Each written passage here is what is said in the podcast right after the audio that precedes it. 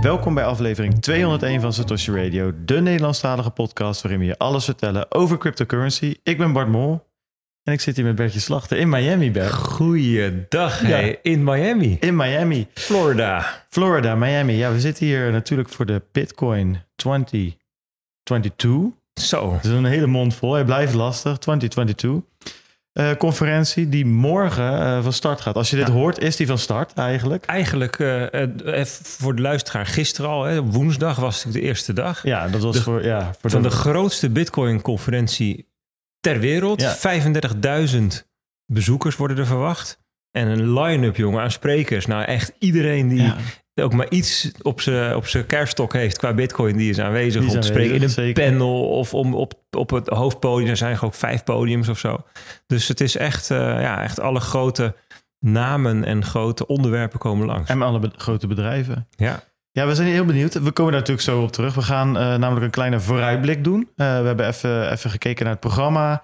Eh, en, en daar gaan we het over, daar gaan we het over hebben. Bertie heeft wat, eh, wat talks geluisterd van de eerste dag, hè, die op woensdag was. Ehm, en eh, ja, daar, gaan we het over hebben. Maar dat komt straks. Ehm, eh, je mist natuurlijk ook als trouwe luisteraar een stem. Ook hadden we vorige week natuurlijk aangegeven. Peet die zit in Nederland. Die is er gewoon volgende week weer bij. Er waren ook nog wat vragen over. Ik dacht dat we het duidelijk genoeg hadden gezegd. Ja, zie het even gewoon als een, als een korte vakantie. Even opladen. En, eh, en dan is hij er weer, eh, weer bij. In principe had het deze week ook al gekund. Maar door tijdsverschil, crappy wifi-verbindingen... hebben we gezegd van, joh, weet je wat... Bert en ik nemen hem op en dan eh, volgende week weer gewoon oud en vertrouwd met z'n drieën bij elkaar. Dus dat komt helemaal goed, dus dan weet je dat. En nou ja, goed, dan hoef je daar geen zorgen meer over te maken. Deze podcast wordt mede mogelijk gemaakt door Anycoin Direct, Bitcoin Meester, Watson Law, Ledger Leopard, Bitfavo, Amdax, Vanek, Blocks en BTC Direct. Eh, nog een kleine disclaimer natuurlijk. Alles wat wij vertellen is op persoonlijke titel. Moet niet worden gezien als beleggingsadvies. Je ziet, nou, die vul je nergens in. Dat nog steeds niet. Zeker niet. eh ja, wordt eigenlijk, eigenlijk alleen maar belangrijk om dat, ne- om dat niet te doen. Voor jezelf houden. Eh, als je het wil, laat dan even vijf sterren achter op Spotify. Ik zag, Bert, dat we meer dan 700, ja, Zo. ja, meer dan 700 vijf sterren reviews eh, gehad hebben. Ik pak hem even bij als ik hem, eh, als ik hem kan vinden. Nee, dat heb ik. ik heb Want jij zei ooit dat boven de duizend, dat is echt eh, zeg maar de buitencategorie. Hè? Dan zit je echt nou wel... ja, dat, is wel, dat zijn wel serieuze nummers. Helemaal voor Nederlandse Ja. podcast. Helemaal voor Nederlandse Maar goed, er zit- niche Dan podcast. zitten we op 70 procent. Zitten Ja. boven de 70 procent. 704. Ja, heel vet. Eh, nee, ja, je hebt natuurlijk een paar, weet ik veel, de, de, de podcast die mijn zusjes lu- eh, luistert. Bijvoorbeeld, wat weet die? Die ehm, eh, Hofman-familie. Ja, Tim Hofman en zijn broertjes maken een De podcast. Hofman-familie klinkt een beetje als de Kardashians. Ja, nou, dat is ook een beetje wat het is. Maar goed, eh, dit is hartstikke populair. Die hebben dan 20.000 eh, reviews. Ja, dat is echt enorm. Maar bijvoorbeeld in, in, in onze niche, buitenlandse podcast, volgens mij McCormack of zo, hebben het over een paar duizend. Ik vind als Ah, de oké. richting de duizend is echt serieuze business. Dus dank daarvoor allemaal. Ehm natuurlijk kan je ook op YouTube even liken, subscriben. Dat helpt altijd.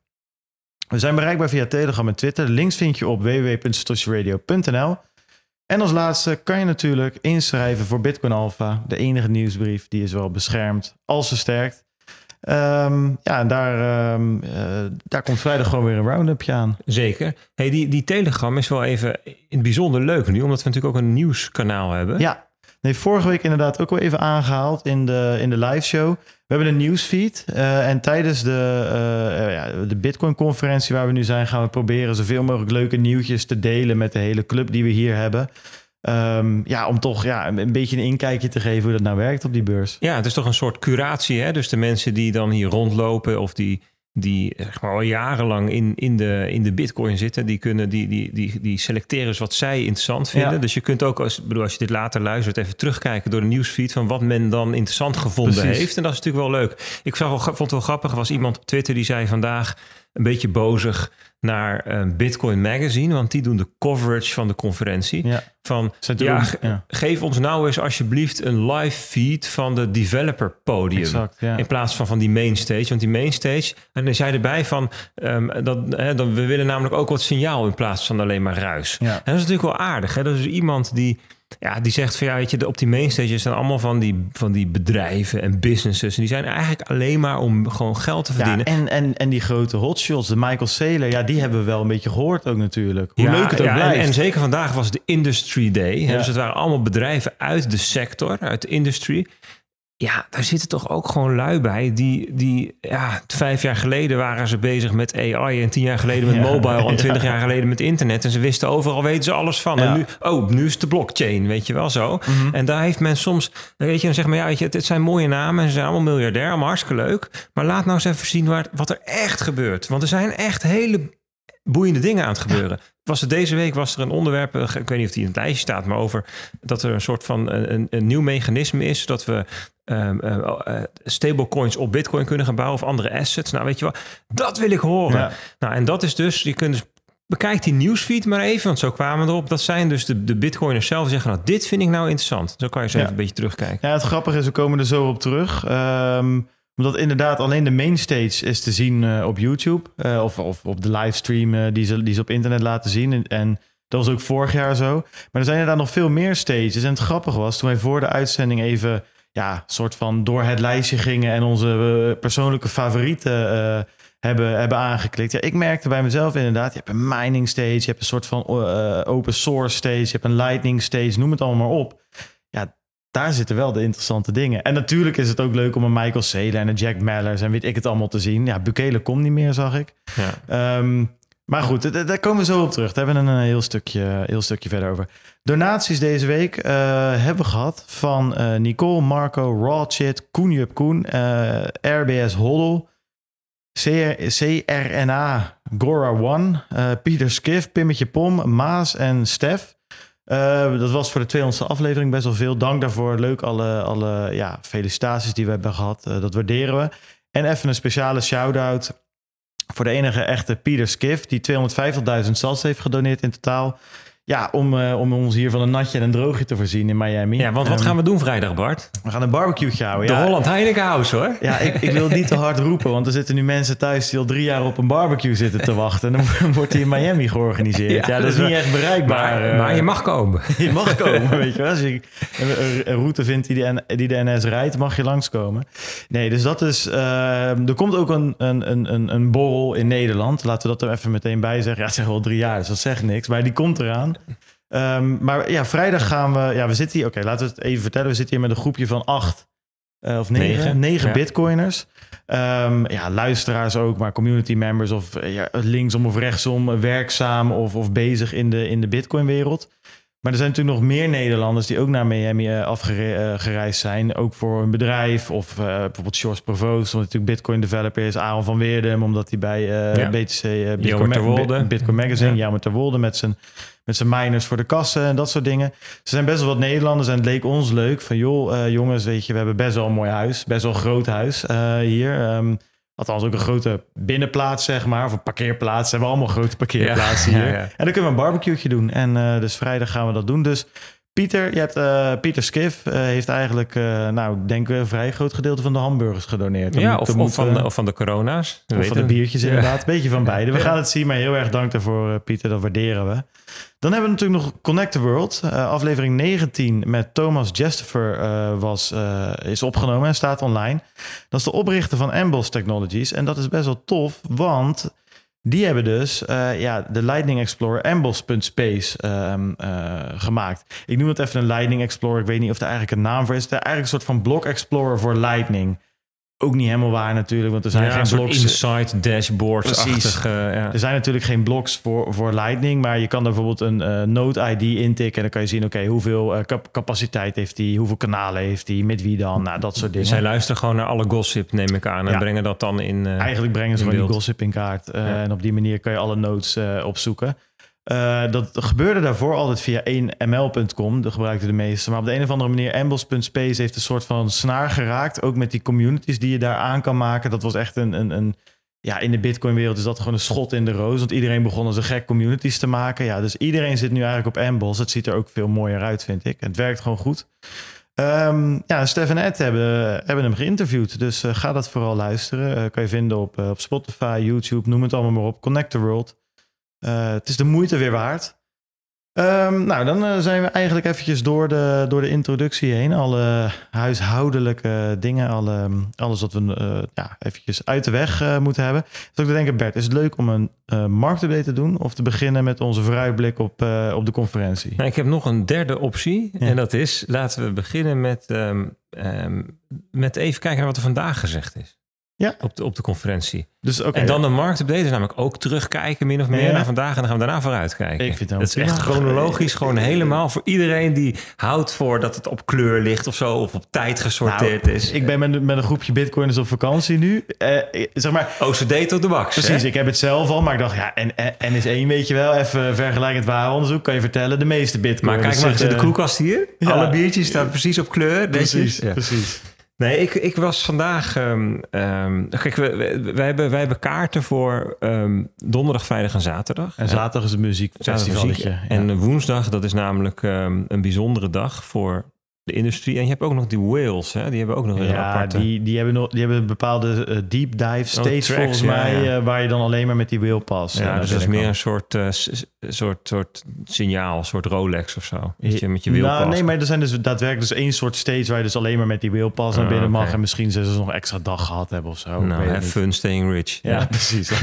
maar ik, ik, ik ging van, dus vandaag mochten we niet daarheen, maar we, we hadden wel, we konden wel de livestream luisteren. Dus ik ging vandaag naar de, de Keys, de Florida Keys rijden. Want dan wil ik ooit met mijn uh, family nog een keertje in de camper heen. Dus ja, dat hadden we ooit bedacht. We zijn heel vaak met de camper weg geweest ja. in de, hier in, in Amerika, maar altijd in, in het westen, aan de westkant. Ja. Westelijke helft hebben we helemaal uitgekampt, maar het oosten nog nooit geweest. Zeiden we, nou, als we dat ooit doen, dan beginnen in Florida en dan gaan we die keys ook even. Ja. Dat, dat, dat, leek dan wel leuk. Dus ik dacht, nou ga ik vandaag daar even heen rijden. Ik heb een beetje een beeld wat het is, weet je wel. Leuk. Dus dan heb ik die, um, um, die livestream aangezet via YouTube. Ik kwam er later achter dat je hem ook gewoon het geluid via de app kan doen trouwens. Maar dat, Welke app? Via de, via oh, die de BTC. ja, ja. Die, ja, ja, ja. Maar dus, en, en gewoon eens meegeluisterd met die, uh, met die Industry Day. En dat was op zich wel grappig hoor. Veel, um, um, uh, dus echt maar vanuit de belevingswereld van de grote bedrijven eigenlijk... die, in, die met bitcoin bezig zijn. Hè. Ja. De tweede sessie,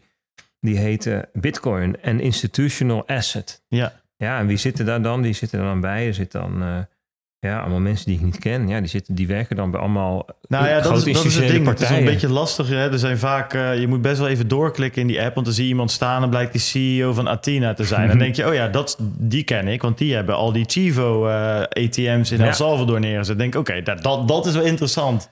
Maar ja, die man zelf, die, ja, de beste man, ken ik niet van naam. Op die manier nou, kom je bijvoorbeeld Chris, beetje... Chris Kuiper, uh, waarschijnlijk Chris Kuiper, ik weet niet hoe die zich hier noemt. Maar die is um, um, Director of Research van Fidelity. Ja, precies. Ja. Zo'n, uh, en, en, aha, ja. en Jenna, oh, dat ken ik dan, die ken ik dan niet. L-Max, Block Demon.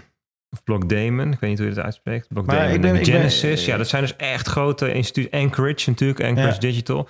Ja, en die hadden het dan over um, ja, dat, dat Bitcoin nu een institutional asset is geworden. En, wat je, en hoe dat dan werkt en hoe partijen er dan mee omgaan en wat ze daar dan van vinden. Dus dat, dat zijn hele interessante dingen. Bijvoorbeeld een tweede sessie ging over custody. Ja, en dan kreeg je dus um, uh, vragen van ja, uh, mo moet je dan wel um, Bitcoin zelf in beheer hebben als mm -hmm. je er 100.000 hebt. Hè? Dus de CEO van Fireblock zat erbij. Dat is zo'n leverancier die door veel best wel wat crypto-dienstverleners gebruikt wordt om Bitcoin mee op te slaan. Ja, dat zeggen, Fireblocks, die, die, die, dat, is, dat is niet de bewaarpartij, maar ze bieden technologie om um, uh, te zorgen dat je de private keys eigenlijk kunt opknippen in allemaal stukjes. Ja. En er was dan een best wel interessante... Maar dat is, dat is sowieso, hè, voor, voor, dat ik je verder laat gaan, het is sowieso vind ik dat erg interessant, want um, daar hebben we het had ik het laatst ook over met lightning notes en dergelijke. De stap, zeg maar, om van een lightning node of, of, of, of, of een hardware wallet of zo thuis te gaan naar een, een uh, institutional grade, hè, bedrijfslevel grade, 100 miljoenen assets uh, under management, whatever. Um, uh, level van security, dat, dat is best wel moeilijk. Mm -hmm. En het, het, het interessante is, dat is, nou, het is heel moeilijk, maar uh, je zou je dus verbazen hoe, uh, uh, hoe, hoe, ja, hoe bedrijven dat deden. Zeg maar, het was helemaal niet zo lang terug dat gewoon exchanges, brokers, noem het maar op. Ja, gewoon nog met, met, met ledgers rondliepen. Ja, en gewoon dus zeker. eigenlijk met consumenten um, hardware of consumenten software hun bedrijf runden. Omdat er letterlijk geen, um, ja, geen, geen bedrijfsmatige uh, uh, ja, software voor was. En hetzelfde zie je nu met Lightning Wallets. Uh, of Lightning Notes eigenlijk. Dat ja, iedereen kan hem draaien op zijn Raspberry Pi. Doen heel veel mensen. Dat is super vet. En dan kan je van alles doen. Maar je ziet ook dat op een gegeven moment, op, voor sommige partijen, ja, shit, weet je wel. Bijvoorbeeld een Kraken, om maar eens wat te noemen. Of misschien uh, uh, BitPay gaan we het zo nog over hebben. Die kwamen ook opeens met een Lightning-integratie. Er zijn er best wel wat van die partijen. Ja, als jij McDonald's moet onboorden... of uh, honderdduizenden users bij Kraken moet onboorden... ja, dan, dat, moet je niet op een Raspberry Pi steunen. En zo zijn er nog veel meer dingen met channel backups... en, en, dat, en dat soort gekkigheid. Ja, dat, dat is heel gaaf... om dat van, van, van consumer level eigenlijk naar ja, enterprise level te zien gaan. Dat zie je voor je neus gebeuren nu. Klopt. En dus, dus wat zo'n Firebox dus bijvoorbeeld doet, dat is eigenlijk niet meer dan private key management. Dus zij, zij, zij zorgen ervoor dat je. Kijk, het grote verschil tussen dat je het zelf beheert en dat een bedrijf dat doet, is dat je bij een bedrijf allerlei processen moet gaan inrichten. Moet zeggen van nou ja, um, Jantje en Pietje die kunnen tekenen als het is tot dit bedrag. En als het hoger is, dan moet ook Klaasje meetekenen. Maar als Jantje of Pietje wordt ontslagen, dan moeten we, moet het wel zo zijn dat we door kunnen. Dat we niet eerst tien dagen bezig zijn met nieuwe UTXO's maken omdat de multisig aangepast moet worden.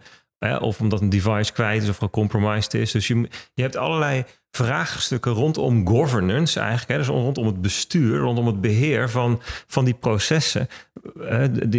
En de condities waaronder bepaalde mensen bepaalde dingen mogen doen. En het moet dan ook zo ingericht zijn dat het controleerbaar is. En dat het, dat het afgedwongen kan worden. En dat er ook iemand kan zeggen van nou ja, je, er zijn controls. Hè, dus er is nagedacht. Ja, breng me de bek niet op. Het is, jou, is jouw oude werk. Het is mijn vak. Maar dat, kijk, het punt is, als het zo groot wordt, dan, dan wil je ervoor zorgen dat niet één iemand met 100.000 bitcoins op, op pad kan of een, of een foutje kan maken. Ja, zeker. Want dat dus- is vaak nog het. Er wordt natuurlijk altijd gepraat over fraude en zo. En dan komt die Quadriga, die staat nu ook, eh, die gozer staat. Uh, ja, shitcoins te verkopen of nee, nee, is dat Netflix documentaires over Quadriga mm. gemaakt. is wel grappig.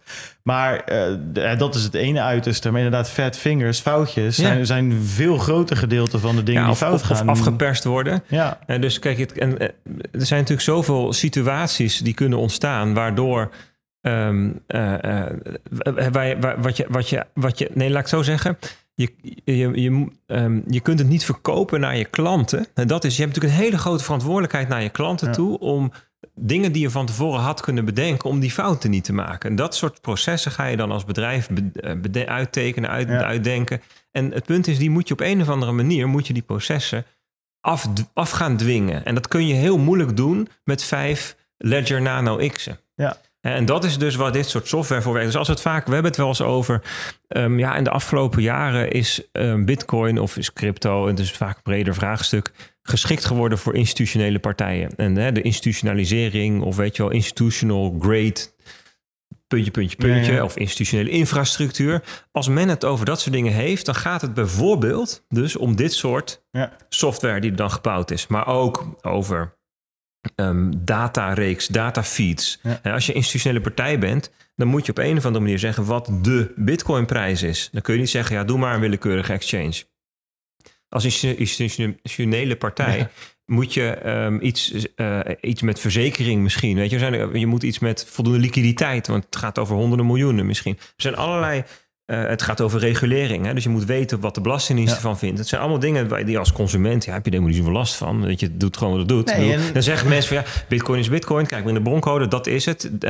What you see is what you get. Maar ja, dat is voor, um, voor een dienstverlener... die namens honderdduizend andere mensen die taak heeft om dat te beheren... niet goed genoeg. Nee, en het grappige is, dat was wel goed genoeg. Maar je ziet het dus voor je neus veranderen. En, op, en, en het is heel grappig hoe dat dan werkt. Het ook wel van, ja, we maken natuurlijk van, van redelijk dichtbij mee. En op een gegeven moment gaan ja, bedrijven willen iets en dan wordt er ergens door iemand iets gevraagd van heb je dit wel? Heb je wel deze certificering of heb je zus of heb je zo? En dan gaan ze dus op zoek. Ja, dat hebben we niet. Van ja, maar oké, dan moeten we dat krijgen. Nou, dan gaan ze naar, naar een accountant en vragen ze: oké, zo'n certificering hebben we nodig. Ja, maar heb je dan wel controles? Nee, dat hebben we niet. Ja, oké, dan moet je inderdaad wel hebben. Ja, maar dit systeem hebben we zelf gebouwd en dat heeft die functionaliteit helemaal niet, weet je. De user access management, dat zit er dan helemaal niet goed in. Gaan ze op zoek en dan het ene moment, het ene jaar, is er gewoon niemand die dat aanbiedt. En je ziet dus nu dat er zo'n Fireblocks tussen komt, die dat dan wel aanbiedt. En ze zijn er Ja, nog tig partijen die dat Fireblocks doen. heeft dus inderdaad drie, drie of vier uh, concurrenten. En dan heb je de, eh, dus dus Fireblocks is eigenlijk een technologieleverancier. En dan heb je in de sfeer van custody heb je ook nog gewoon hele grote custodians, Ja. zoals BitGo en Ja. ehm, Ja, Coinbase hebt- Custody en, die Gemini. Gasten, die en, gasten Zwitserland, eh weet je die ook weer? Bitcoin Bitcoin, Suisse, eh, bijvoorbeeld. ja, ja. En ehm, wat, die, wat die custodians dan doen, die zeggen: joh, wij hebben het allemaal uitgedacht. Wij kunnen al die assets, cold storage, air-gapped, geografisch verspreid, met allemaal controls, alle certificeringen die jij kunt bedenken, die hebben wij. Dat hebben we voor je geregeld. Koop ons maar in. En dus je krijgt toch alweer op dat gebied een bepaalde mate van centralisatie. Dan is dan weer de vraag: wi- willen we dat? Weet je, dus Ja. het, zijn, het zijn hele nieuwe vraagstukken, nieuwe dynamieken die Ja. er ontstaan. Nou, over dit soort dingen ging het vandaag dus. En dat Ja. is heel interessant. Dus het ging ook over de vraag: van ja, moet je dingen dan zelf doen of moet je dingen dan inkopen? Hè, Er was één partij die vertelde van ja. Weet je, wij, wij doen een mix. Hè. Dus sommige dingen maken we zelf. Maar bijvoorbeeld voor de, de matching engine gebruiken we soort van Nasdaq. Want Ja. die hebben dat namelijk 30 jaar lang, eh 40 jaar lang hebben ze daarop gestudeerd. En beter dan dit wordt het niet. Klaar. Voor, voor custody, dat kopen we in bij BitGo. Ja. Want dat kunnen wij domweg zelf niet beter. We kunnen, we we kunnen het gewoon simpelweg niet bijhouden. Want zij zitten met weet ik voor hoeveel man alleen maar te studeren om die custody zo goed mogelijk te doen. Dan kunnen, ja, weet je, dat, weet je wel, dus dat is een heel interessante vraag.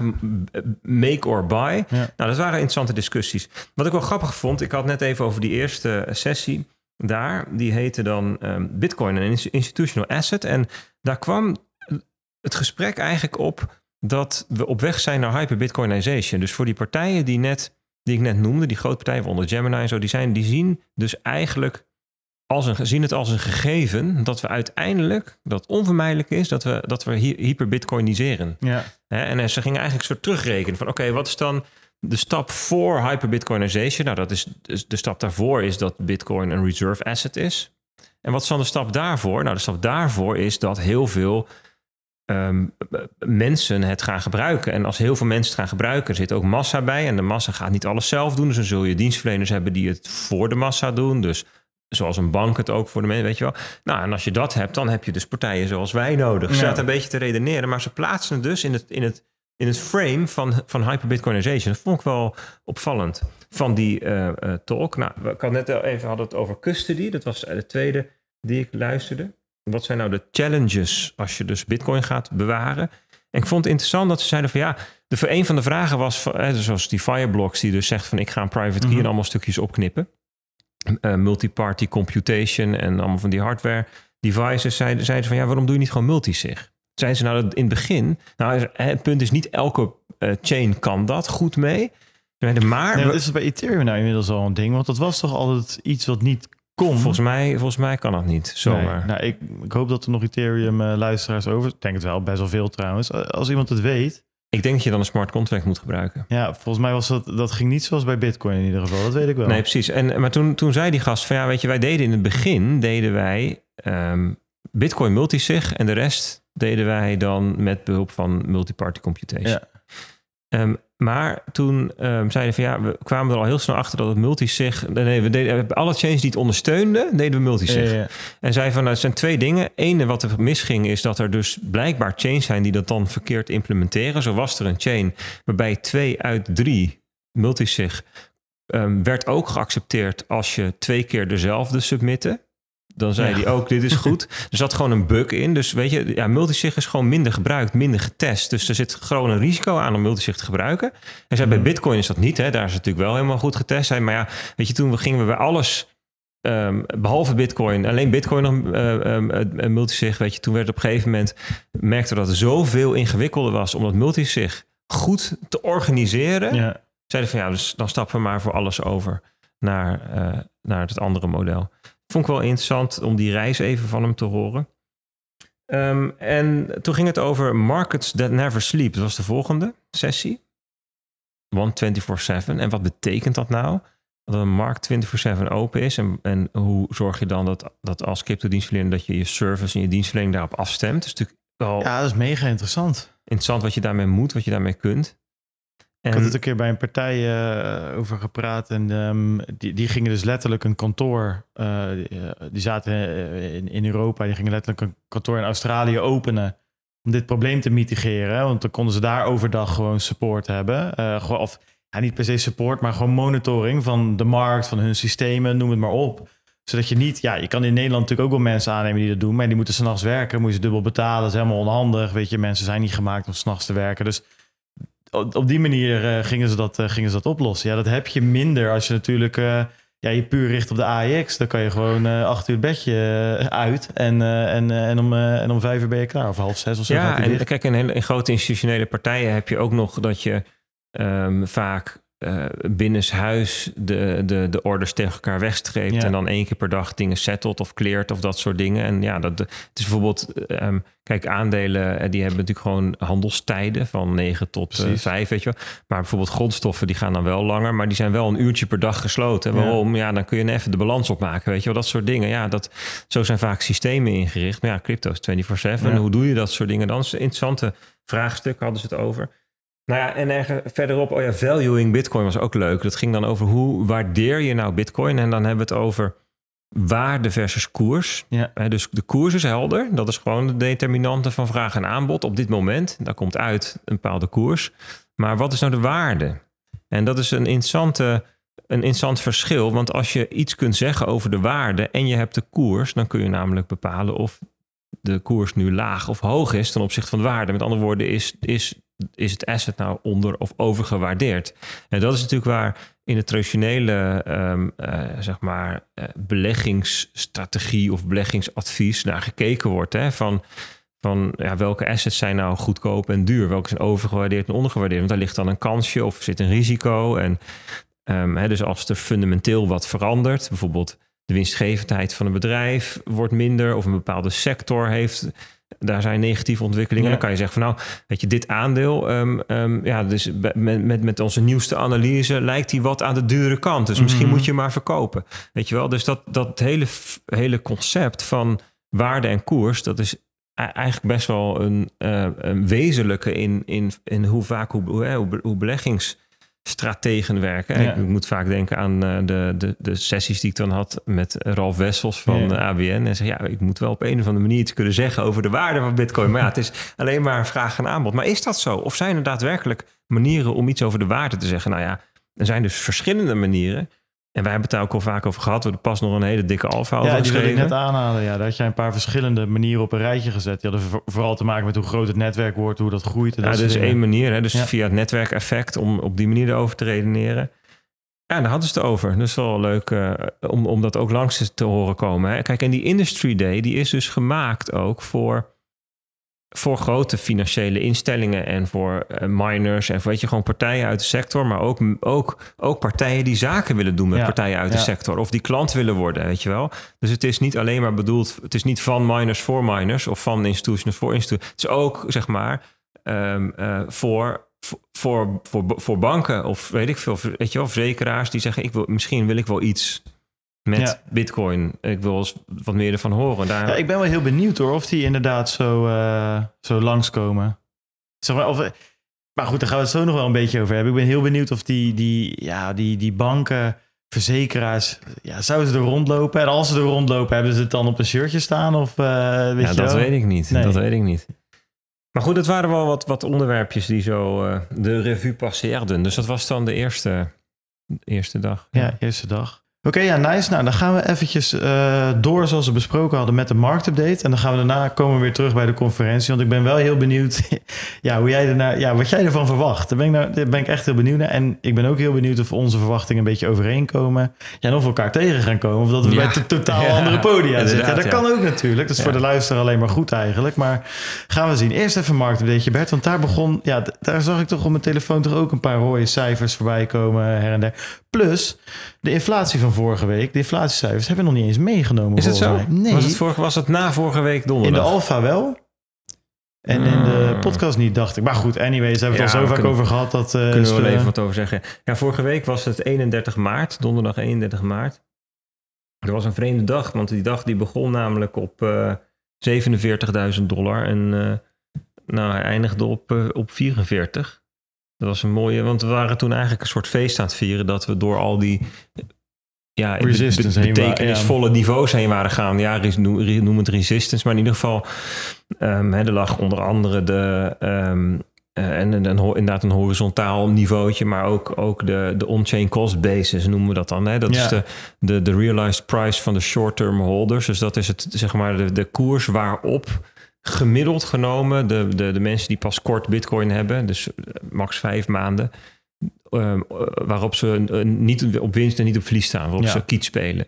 En dat, dat is vaak een betekenisvol niveau, omdat als je aan het dalen bent, is dat een punt waarop ze dan weet je, kopen en bij, bij, bij stijgen verkopen. En dat, dat, is, dat kun je vaak zien in de blockchain. Dus dat, dat, dat, zie, dat zag, zag je ook gebeuren. En gingen we dwars doorheen en dat was dan eigenlijk wel een soort feest. En dan ging die, toen we naar beneden en toen weer omhoog. Dus het is heel, best wel merkwaardig ehm, ehm, prijsverloop. En wat we achteraf ook wel hoorden was dat, dat elke keer als hij in de buurt van die 45.000 kwam, dan ging of Do Kwon, die ging eh, bitcoin kopen, Ja. of Michael Saylor. Hij, hij heeft ook weer wat gekocht deze Ja, week. tegen de gemiddelde prijs van 46.000. Weet je weet precies waar die op 45,7 Ja, ja, ja. of zo. Dus het is gewoon buying the dip. Hij heeft gewoon eh, als, als boel der boels heeft hij gewoon dat niveau verdedigd. Maar eh, vandaag, ja, weet je, vandaag ehm, eh, g- ging het niet alleen bij Bitcoin naar beneden, maar ook bij alle, eigenlijk alle eh, risico, wat meer risicovolle Ja, eh, eh, beleggingen. en ik zie dat Apple ook... eh, ja, Nasdaq is. ook Ja. hoor. Dus het gewoon, je kunt ze op elkaar leggen. Van, ehm, nou ja, 5 april is gisteren, hè, maar van eh, eh, 47 naar, naar iets onder de 43 zelfs eventjes. Behoorlijk eindje. En het, het heeft waarschijnlijk te maken met dat de markt ehm, zich aanpast aan de, de, de, hoe, hoe de Fed, de FOMC, hè, dus het Open, Open Markets Committee van de, van de Federal Reserve, van de Amerikaanse Centrale Bank, hoe die ehm, vorige maand al nadacht over ehm, hun monetair beleid. En Ja. dat hebben ze vorige maand hebben ze natuurlijk de rentebesluit gedaan en heeft ehm, eh, Jerome Powell daar een toespraakje over gehouden. Maar, maar dan een paar weken later, dan publiceren ze de minutes, de notulen van hun vergadering. mhm. En dan blijkt wat ze eigenlijk achter de schermen besproken hebben. En, en daar staat natuurlijk altijd meer in dan wat ze ter plekke laten zien. En daar stonden dus nu wel wat dingetjes in waarvan de markt denkt. Oké, dat is spicy. Ja. Hè? Waardoor men toch verwacht dat er toch nog heftiger ingegrepen gaat worden. Hè? Er stond wat in bijvoorbeeld over ehm, de snelheid waarmee men dan Q, QT gaat doen. Hè? Dus het afbouwen, het afrollen zeg maar, van de balans van de ja, Fed. Was dat toch? Ja, dus dat, dat, kijk, men zegt vaak QE is het kopen van assets, dus, dus QT is het verkopen van assets. Nou, Mhm. dat is in de praktijk niet zo. QT is het niet doorrollen van obligaties. Want je moet je voorstellen, ze kopen de staatsobligaties of obligaties in het algemeen.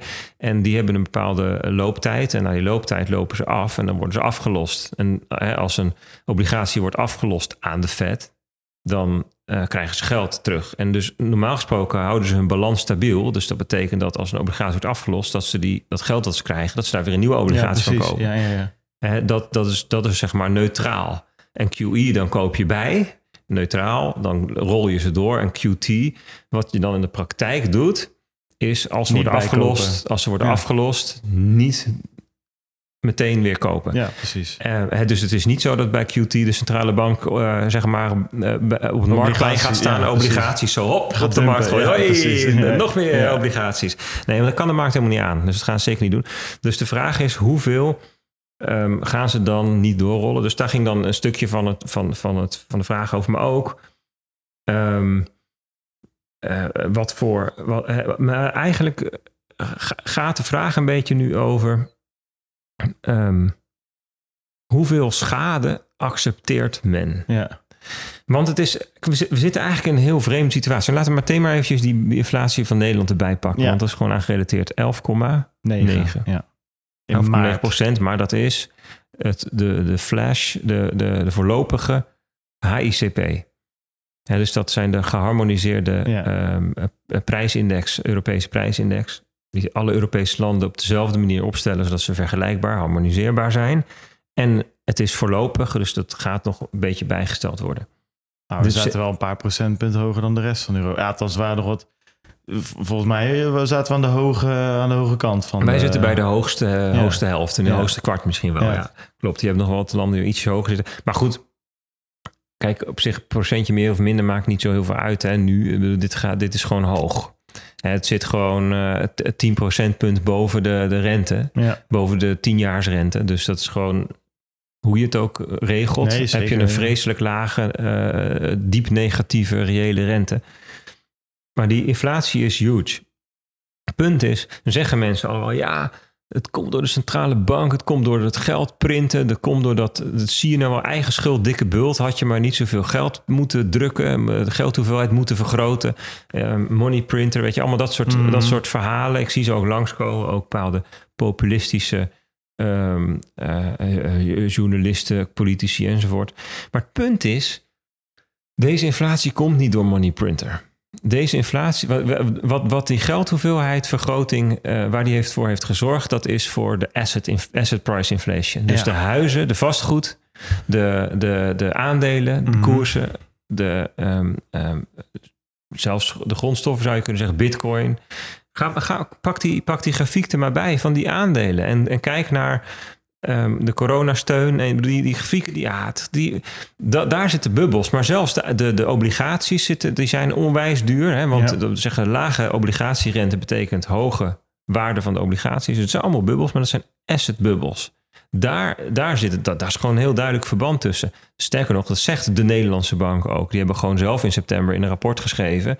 De aanhoudend lage rente zorgt voor eh zoektocht naar rendement. En dat Ja. zorgt voor nou ja, risicozoekend gedrag. En dat zorgt Ja. voor bubbels. Nou ja, ze noemen het dan geen bubbels, maar het zorgt voor verhoogde ja eh, een hele mooie uitspraken bij verzonnen. Ja. dat hadden we eigenlijk op het tegeltje moeten zetten. Precies. Dus daar zorgt de inflatie voor. Maar de huidige inflatie die we nu zien in de CPI, dus in de consumentenprijzen, die komen voornamelijk uit de grondstoffencrisis, veroorzaakt door de oorlog, energie. Ja. En de energie was natuurlijk al een probleem voordat eh, Rusland-Oekraïne begon op Ja. 24 februari.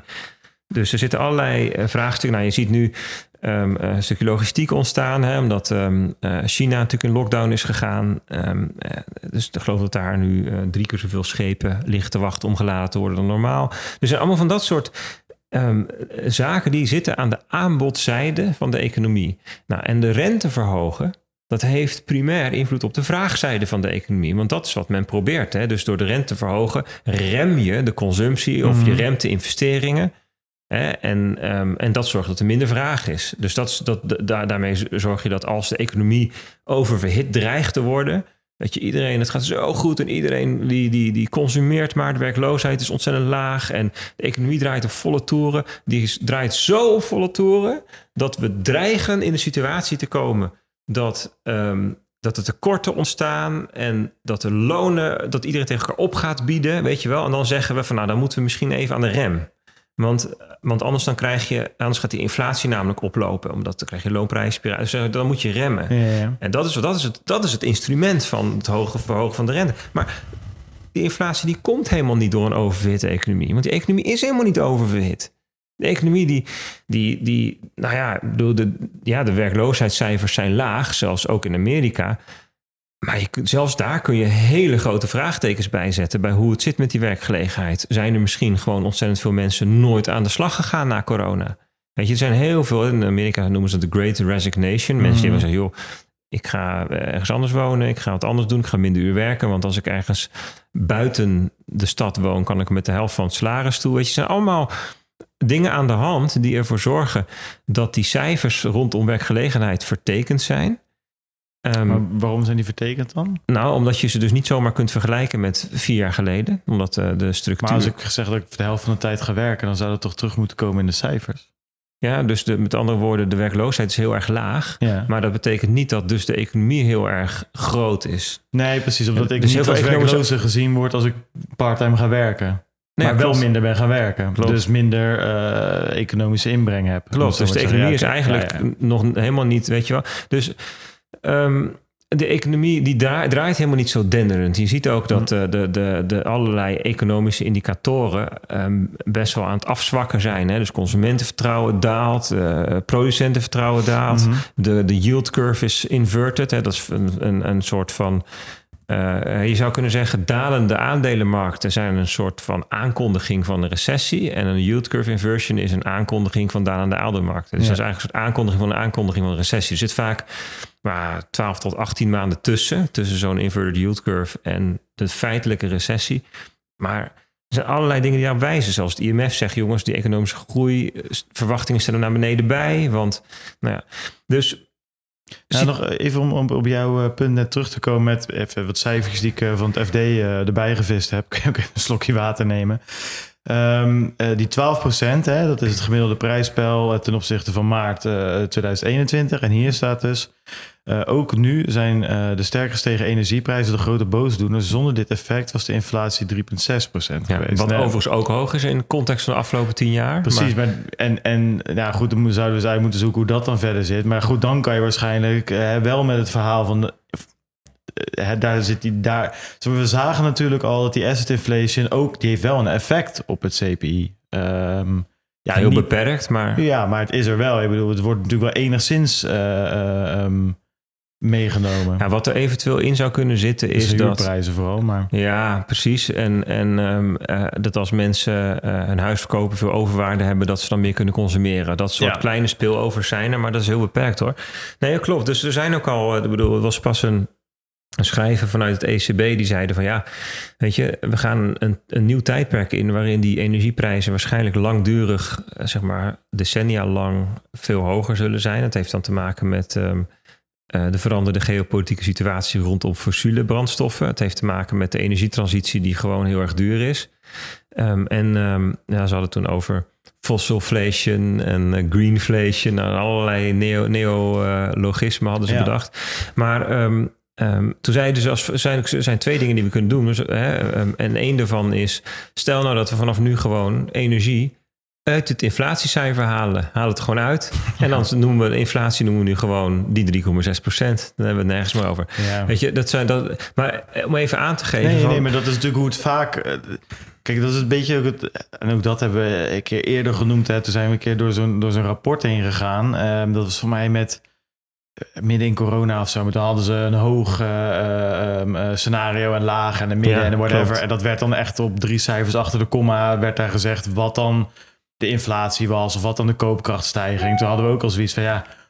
Hoe kan, hoe kan je drie cijfers achter de komma met zulke complexe scenario's? Dat, ja, goed, en dat is natuurlijk hier ook een. En dan ga je dus inderdaad gewoon een, een, een beetje tweaken, zodat de cijfertjes er goed uitzien voor, voor de baas. Wie dat dan ook mag zijn, weet je wel. En dat, nou, ja, Het punt is natuurlijk dat CPI is, een, eh, is niet alleen maar een, een leuk metriekje voor aan de muur, maar daar worden ook allerlei dingen op gebaseerd. Hè? Dus er zijn bijvoorbeeld ehm, eh, uitkeringen en lonen die worden Ah. verhoogd met de CPI. Dus het is, een, het is een belangrijk cijfer ook als input weer voor allerlei andere berekeningen. Dus het is niet alleen maar window dressing, het is Nee, daadwerkelijk dat, het. dat maakt het zo kwalijk dat, Ja. vaak, eh, de- dat er vaak wel dan ja, op die manier met, met, met cijfers om wordt gegaan... of daar toch een beetje mee gespeeld wordt, zeg nou, maar. en ze zeiden zelf ook bij in het rapport ja. dat ze er niet mee weg gingen komen hoor. Dus dat. eh, Nee, maar er hangt, kijk, weet je, er hangt, het probleem is natuurlijk dat er vaak voor, voor mensen ook weer iets van afhangt.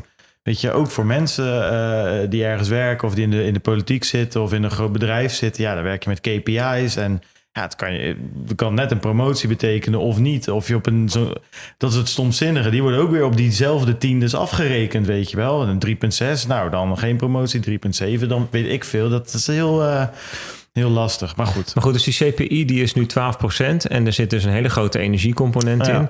Ja, je kunt er op je vergif op innemen dat er ook een hogere, dat er ook andere componenten sterk gaan stijgen. Dus de voedselcomponent is de volgende. Dat heeft natuurlijk te maken enerzijds met, eh, met eh, de grondstoffencrisis ook rondom voedsel. Ja. Hè? Dus bijvoorbeeld ehm, olie is een belangrijke, ehm, granen. Eh, dus dat is gewoon een hele directe, ja, kunst, kunstmest inderdaad. Dat is ook gewoon een energieproduct.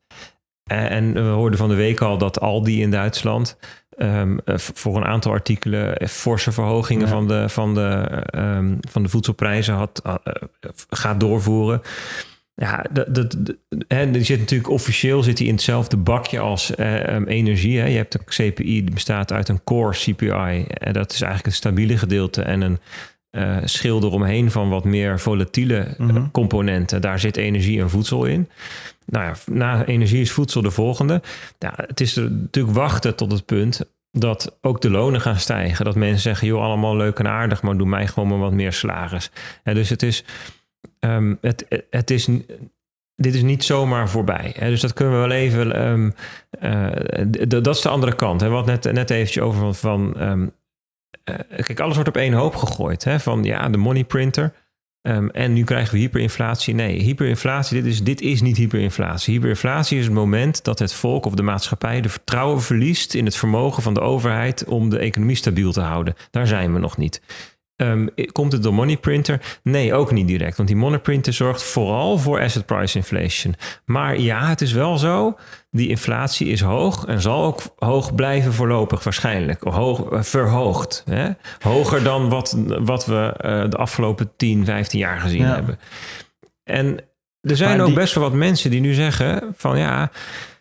We gaan überhaupt een heel nieuw tijdperk in. Hè? Bretton Woods 3 wordt genoemd. Ja, maar dat is natuurlijk wel het ding. Want die, die kijk, ja, ik ben het met je eens hoor, dat, dat, dat niet alles komt door, door, door money printer. Maar die, die money printer, of in ieder geval die asset price inflation, hè, die, die eruit uit voorvloeit. En ook die la, lage rentes en al die, eh, al, ook natuurlijk eh, door, die, door die money printing, die QE, die quantitative, quantitative easing, eh, al die staatsobligaties opkopen. Dus ook weer landen die meer schulden aangaan, waardoor ze eigenlijk de rente daarop, ook al is die laag, niet meer terug kunnen betalen. Rente kan niet meer omhoog. Nou, dat, een beetje dat soort dingen.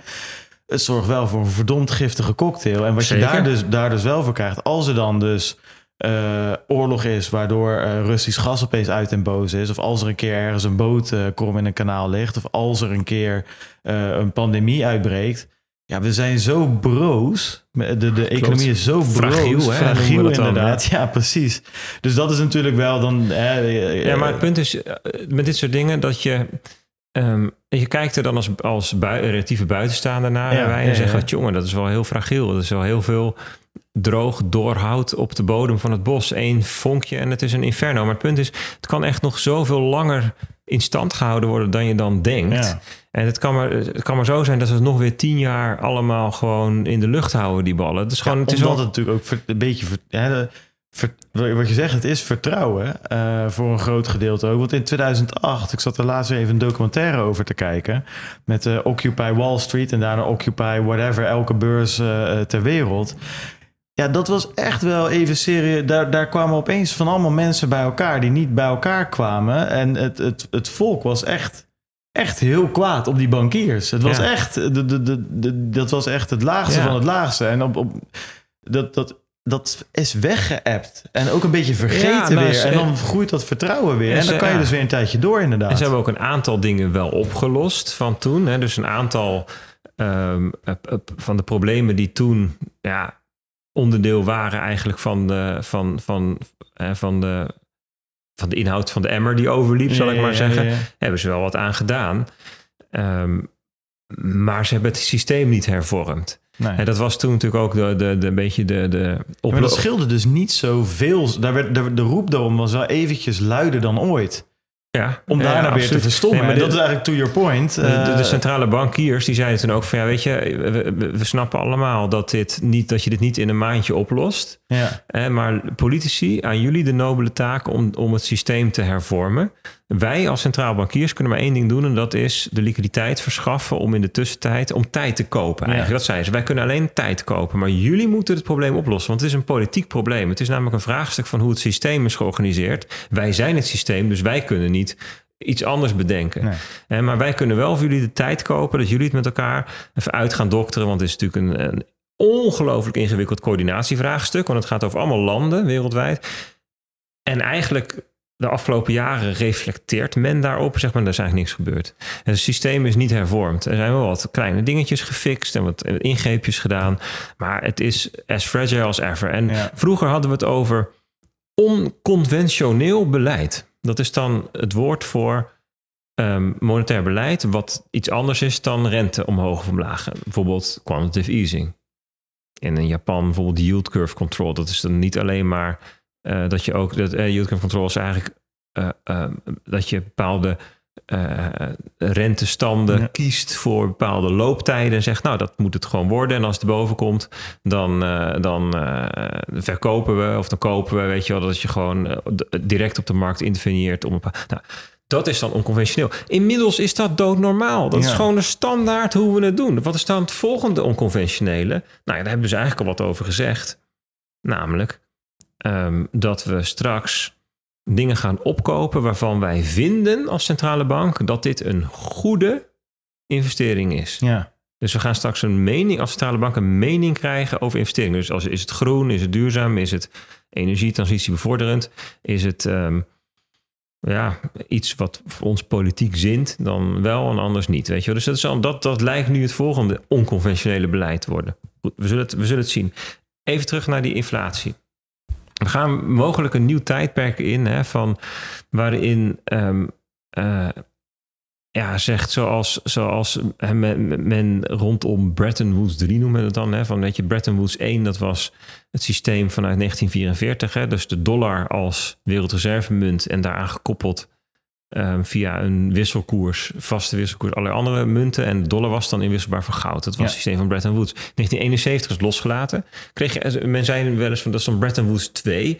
En want wat je toen eigenlijk kreeg is dat de dollar een soort van aan olie gekoppeld was. Want de olie werd afgerekend in de dollar. Ehm, en nou ja, dan had je een, Ja, de wereld begon op olie te draaien een natuurlijk. lu- lusje, ja, precies een lusje rondom eh, de dollar en de, de Amerikaanse sta- staatsobligaties en, en, en olie. In ruil overigens voor een bescherming. Ja, ja, dat was het systeem van de, Ja. rond van de petrodollar.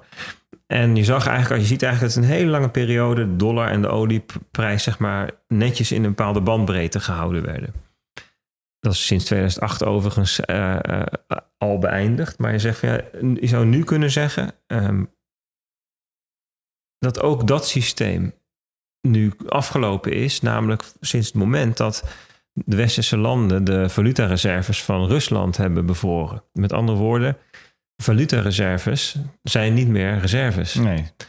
Eh, en wat, wat dan wel? Nou ja, goud, sure. Bit- Bitcoin, zeggen wij dan natuurlijk in Satoshi Radio. Ooit, one day. Maar grondstoffen. Ja. Want grondstoffen, ja, die kun je niet bijdrukken. Die kun je niet faken, die kun je niet bevriezen. Die zijn niet op, bestaan niet op papier. Die zijn gewoon, die heb je in bezit. Die zijn tegenpartijloos. ja Ze zeker. vergaan wel, dat is een nadeel. Ja, maar ja, grondstoffen eh, voor chips, voor batterijen. Voor, Ja, dus rare earth metals. eh, voor, eh, kernenergie, eh, uranium, dat soort dingen. uranium, lithium is voor batterijen. Hè? En ehm, koper en nikkel natuurlijk eh, eh, voor, voor alle elektronica. Ja.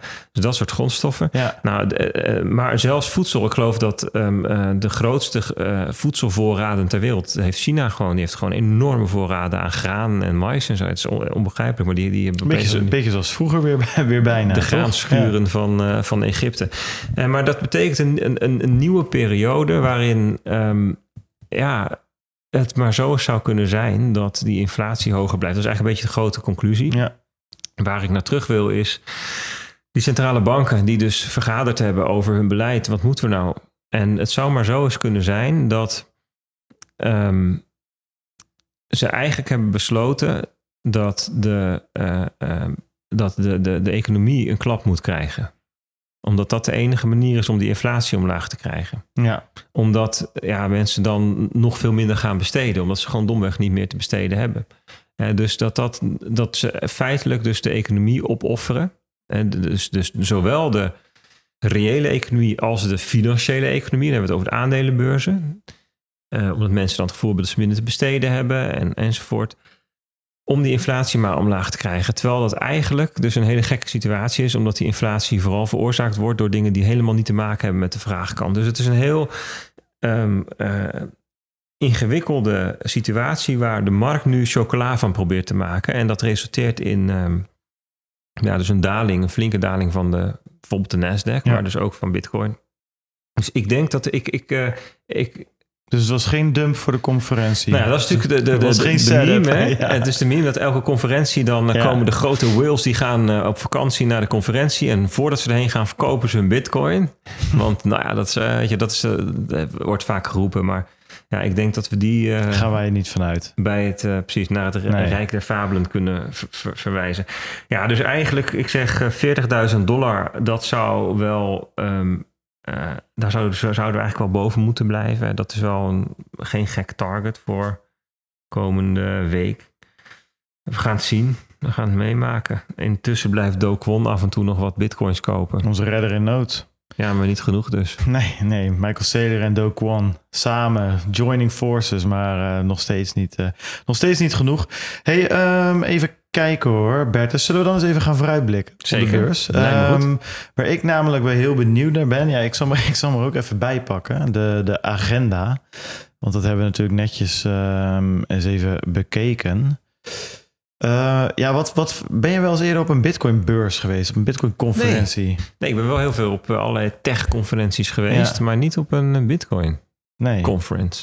Nee. Nee, ik ook niet. Ja, ik ben wel vroeger wel vaak naar, naar, naar gaming eh ja, beurzen, conferenties geweest. Dat was in Nederland werd het altijd door Power Limited en, eh, later door eh, Blammo, was van Game Kings, eh, die deden dat. Dus ik ben wel wat beurzen geweest, maar ja, ik ben Maar wel heel dat, benieuwd. waren dat echt, was dat, ja, je hebt, je, hebt, je hebt natuurlijk ook van die beurzen dat je allemaal gewoon steentjes hebt en Ja, zo. ja, dat was ik, wat ze probeerden te doen. Je had in Amerika had je altijd de, de E3, de, de E3 eh, werd het dan eh, Ja. genoemd. En ja, daar werden altijd alle grote aankondigingen gedaan. Alle Nintendo, Sony, Xbox, Microsoft, die stonden daar allemaal. En daar kwamen, daar werd, dat was het moment om een aankondiging te doen. Ja. En dat wilden ze een beetje in Nederland nabouwen. En eh, dus dat waren allemaal ja, games en mensen verkleed als gamepoppetjes en allemaal hummers. En ah, dan weet ik het allemaal. allemaal eh het hartstikke leuk.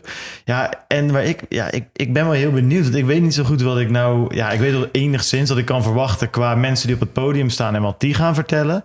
Maar alles eromheen is een soort van ja, een zwart gat eigenlijk voor mij. Dat, dat, ik, heb, ik heb geen idee of het een heel gemoedelijk sfeertje is... of dat het juist een heel commercieel... dat kan ook zomaar is, dat iedereen daar toch een beetje is om, om te netwerken... en, en, En om iets, shit te chillen. ja, om iets te verkopen of om Ja. iets te kopen... of, of Nou, iets ik, in die ik hoorde richting. net al, daar ben ik heel benieuwd naar, ehm, van iemand die klaagde dat, dat je dus alle voedseldingen die je daar kunt kopen, dat je die niet met bitcoin kunt afrekenen. Oh, dat was wel de bedoeling volgens mij. Dat ze gewoon ouderwetse kassensystemen hebben. Zitten ze- wij met die, met die sats van eh, Pieter, eh, Pieter Skif. Dus dat ben ik heel benieuwd naar. Hebben wij 250.000 sats gekregen, Bert, kunnen we Ja. eens een dan hamburger kopen. voorhoeven in Hilversum nog beter dan... eh, Ja, krijg je meer te eten voor je bitcoin dan op de beurs zelf. Ja. Maar goed, ja, nee, ik, ik ben daar, dus zeg maar, alles eromheen ben ik ook heel benieuwd naar. Ik ben wel veel naar, naar allerlei tech-conferenties geweest, Frontiers, DDD Europe, weet je, Ja, dat ja, soort, een beetje programmeren, de developers en zo, dat soort dingen. Dus dat, zeg maar, dat er mensen op een podium gaan staan en een verhaal vertellen waarvan je denkt, hey, interessant, cool, leuk. Dat, Ja. dat, dat, dat, ja, dat, dat weten we hoe dat een beetje gaat zijn, maar... Ja, wat is er omheen allemaal georganiseerd? Ik, ik geloof dat ze een heel groot zwarte vette stier voor de deur hebben gezet. Ja, ik ben benieuwd. Wat De ik, wel, wat ik wel heb gezien, wat dus helemaal niet voorkomt in die, ehm, in die agenda. Ja, er is dus ook zo'n ruimte met al die steentjes, waar dus al die bitcoin bedrijfjes... Ik denk dat je eh, die, die exposures, of die, die expositie, die moet je denk ik niet te veel voorstellen. Dit is geen ik. expositie. Dat is gewoon, weet ik veel, Casa en weet ik het allemaal. Ja, maar is gewoon, dat, eh, zo heet dat dan toch, zo'n van die steentjes. Dat ja. een expositie. Ja, want ze hebben volgens mij ook iets van een bitcoin kunst expositie. Oh, daadwerkelijke expositie. Nou, hoe het ook heet, maar nee, dat ja, een beetje zoals je in de rij dan hebt van die steentjes. Ja, nou ja, kijk, op zich is het... Kijk, en dat is natuurlijk wel... eh, we zijn hier bijvoorbeeld ook met Tom, onze eigen Tom Stammes. Eh ja, die, die is, gaat al heel lang naar dit soort Bitcoin-conferenties. En, ik kan, en die kent ook heel veel mensen van... eh, die, die komen spreken van... Ja, die heb ik wel eens in 2013 ergens in Duitsland... of weet ik het waar, eh, waar het allemaal was eh, gehoord. maar ja. de meeste mensen die komen, die ken jij ook wel van podcast waarschijnlijk. De nee, natuurlijk. Maar mijn punt is een beetje, zeg maar... Ik heb het idee... Zeg maar, de- charme van dat soort, die eerdere conferentie, dat lijkt een beetje op hoe in Nederland de Bitcoin community de afgelopen jaren gegroeid is. Mm. Dat, dat, dat je um, nog makkelijk met elkaar gewoon aan de praat raakt. En ik heb Ja, hier een beetje het idee met 30.000 inderdaad. kaartjes wel verkocht. Ja, je ziet wel filmpjes uit eh, 2014 of zo, dat dan ehm An- eh, Ant- eh, het? Andreas ja, Antonopoulos voor een zaal met 13 mensen een verhaal staat te ja, maar vertellen. waar je daarna dus wel even kan zeggen... Ja, want er zijn- zitten maar 13 mensen in die zaal, dus ja. Ja, maar dat je dus daarna, daarna toe kan ik wel zeggen, zullen we een pilsje gaan drinken? Ja, dan heb je wel een mooi verhaal eh, tien jaar later. Kijk, en nu, Ja, ik ben niet in de illusie dat je even naar eh, Michael Nee. Saylor toe kan lopen of zo. Van, joh, maat. Dan van die eh, bodyguards eromheen. ja, en er zitten gewoon nog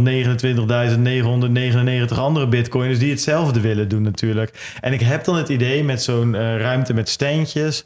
Nou, dat je daar misschien nog, ja, wie weet, staat de volgende Michael Saylor er wel tussen. Het geniale Bitcoin-bedrijf, de Bitcoin Unicorn of zo, die, die over drie jaar misschien ons leven makkelijker gaat maken. En heb je ze toch maar mooi een keertje gesproken. dus ik ben er wel benieuwd naar. Wat is het eerste waar jij heen gaat morgen?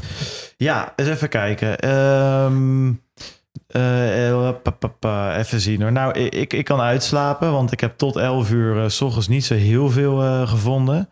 Ehm, ik, ja, ik kwam wel tot de conclusie dat ik heel erg benieuwd ben naar de mining stage. Daar heb ik best wel wat dingetjes aangeklikt.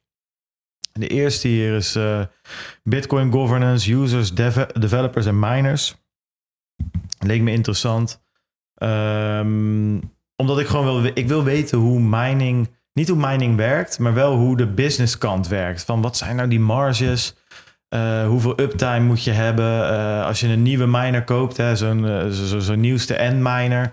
Hoeveel van de tijd moet die aanstaan om zichzelf terug te verdienen? Wat is dan de terugverdientijd? Weet je, bitcoin, mining en renewables, dat soort dingen. En als ik hier kijk, staan er echt ja, CEO's van de grootste mining firms zijn hier. Nou, als er iemand dat moet kunnen vertellen, dan, dan zijn het die gasten wel. Dus ik denk dat ik daar al veel te vinden ben.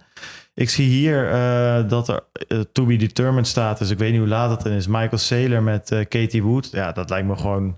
Als ik dan toch naar, eh, naar een van die grote eh, sprekers wil... Dan, ja, dan is het wel leuk om een half uurtje naar Michael Saylor te luisteren. Ja, die heet The Future is Bright, toch? Ja, ik ben eh, benieuwd. Ja, dat zal Ja. natuurlijk wel pure hopium worden, maar dat, dat is verder prima. Ehm, ik zag hier ehm, Bitcoin en Banks met Caitlin Long. Vond ik ook interessant. Deze vond ik vet. Rolling out Bitcoin in El Salvador. En het grappige is, daar zijn dus de hoofdrolspelers zitten erbij, behalve Bukele dan. Maar wel bijvoorbeeld die CEO van Athena, die ik net noemde. Die dus al die, die meegeholpen heeft met die Chivo wallet en dat soort dingen. Nou, ik kan me voorstellen dat dat best wel een interessant verhaal eh, kan opleveren. Ehm, even kijken hoor. Waar kom ik dan nog op? uit? Innovations in the mine. Maar dat is dus weer, ja, ben heel benieuwd.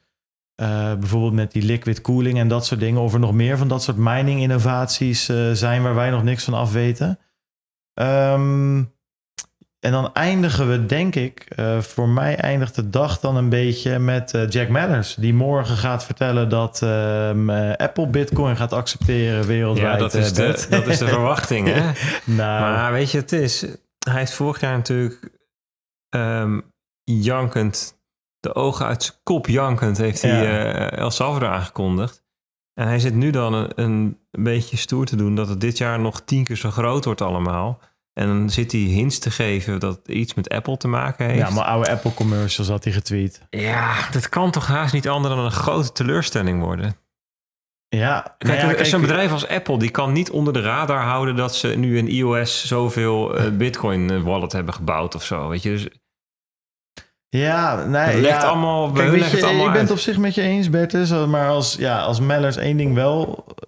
Waar, ja, als, één ding, als die één ding wel is, is het wel een goede marketeer, zeg maar. Zeker moet- marketeer. Dan moeten we hem dus, ja, wie weet. Maar ja, ik ben, kijk, weet je wat het is? Hij kan, waar die, wat hij dus ook kan. Maar hij zal hij- ongetwijfeld doen alsof het fantastisch is. Nou ja, kijk, precies. En dat was natuurlijk ook een beetje met Strike. Dat was ook volgende week in Europa en in de rest van de wereld. Ja, inmiddels... Nee, Q1, hè?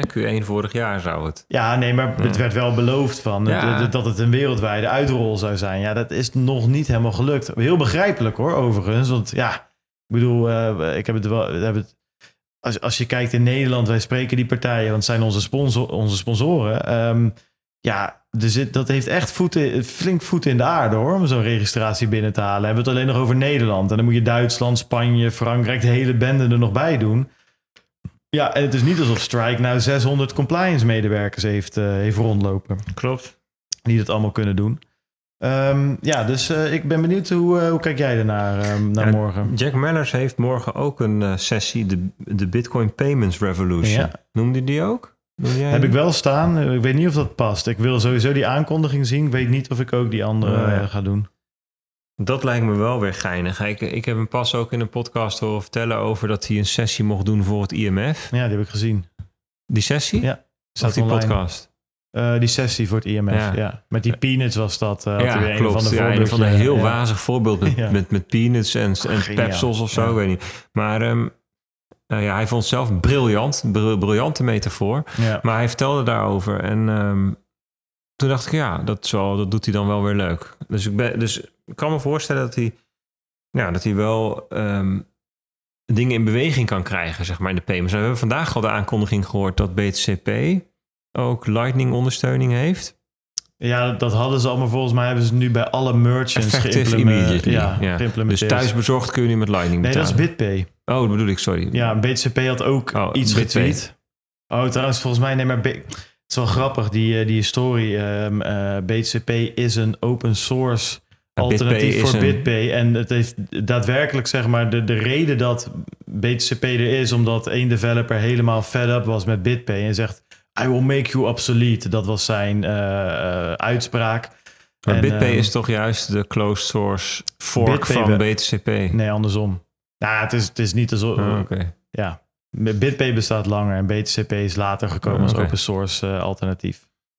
Maar goed, BitPay dus Lightning. Nou, we hebben natuurlijk Kraken. Stef heeft het geprobeerd. Eh, het is gelukt. Ja, eh, ik hoorde wel wat gemopper dat je een complete KYC Ja, dat is altijd het gemopper bij BitPay geweest. Dat zullen we wel zien. Maar goed, eh, Kraken, twee weken geleden. Dus, Vorige week hebben we behandeld. voor, ja. ja. dus, dus het is wel, eh, dus er gebeuren wel dingen in die richting. Interessant. Dus ik ben, benieuwd, ik ben wel benieuwd naar dat de Bitcoin Payments Revolution talk van Jack Mallers. Die Ja. wil ik wel heen. En daarvoor is eh sessie heet Bitcoin, Bitcoin is Freedom met Alex Gladstein onder Ja, andere. Hij is de hoofdstratege van eh, Human Rights Foundation. Die heb ik overigens niet voor Alex Gladstein staan, maar voor die eh, Noord-Koreaanse mevrouw daar rechtsonder. Ja, Die heeft een heel goed boek geschreven ehm, over haar ontsnapping uit Noord-Korea. ja. En ehm, ja, ben ik ook erg benieuwd naar. Het was namelijk een erg in, ja, ja, Kijk, en daarvoor is Peter Thiel die een keynote geeft. ja.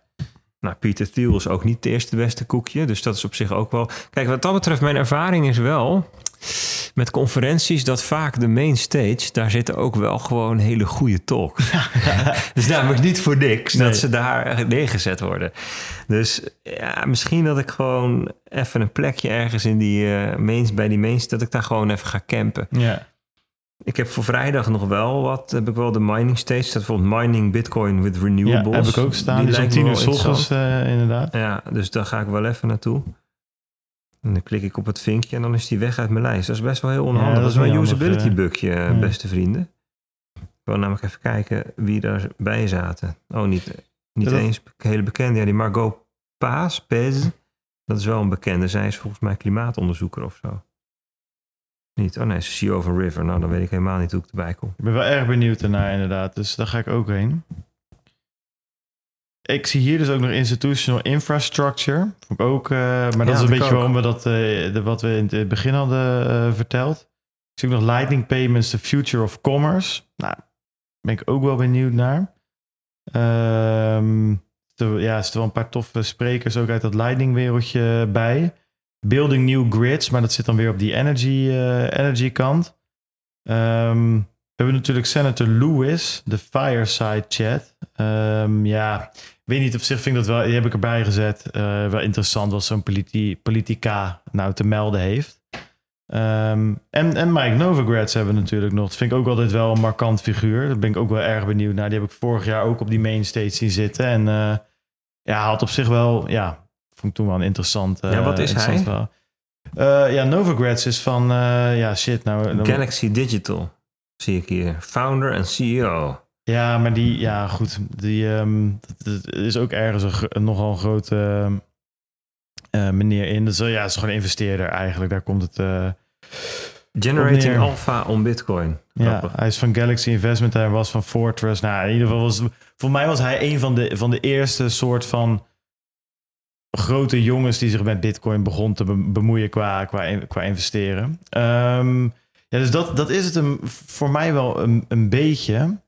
Ja, je hebt ook Ja, nog. leuk kijk, jongens. Ja, je hebt, je hebt ook nog dingen zoals. ehm, ja, dat ligt er een beetje aan of ik in de buurt ben. Kijk, op zich vind ik het ook wel grappig om dan bij 17 te gaan kijken. Maar Dan, dan Ja, kom je wel zitten- een beetje in, de, in, de, in, het, in, het, in het ruis terecht, langzaam aan, in het, in het ruismoeras. Want voordat je het weet zit je naar ehm, onze gabber uit eh, El Salvador te kijken. Niet Bukele, maar die andere gozer die er nu woont met zijn fuck Elon, weet je wel. Ja, Max Keizer. Max Keizer, ja, dat is natuurlijk allemaal hartstikke interessant. Maar ja, dan kom je thuis en denk je van ja, weet je, wat, eh, waar ben ik nou ja, het opgeschoten? is, het is- ja, het is toch gewoon...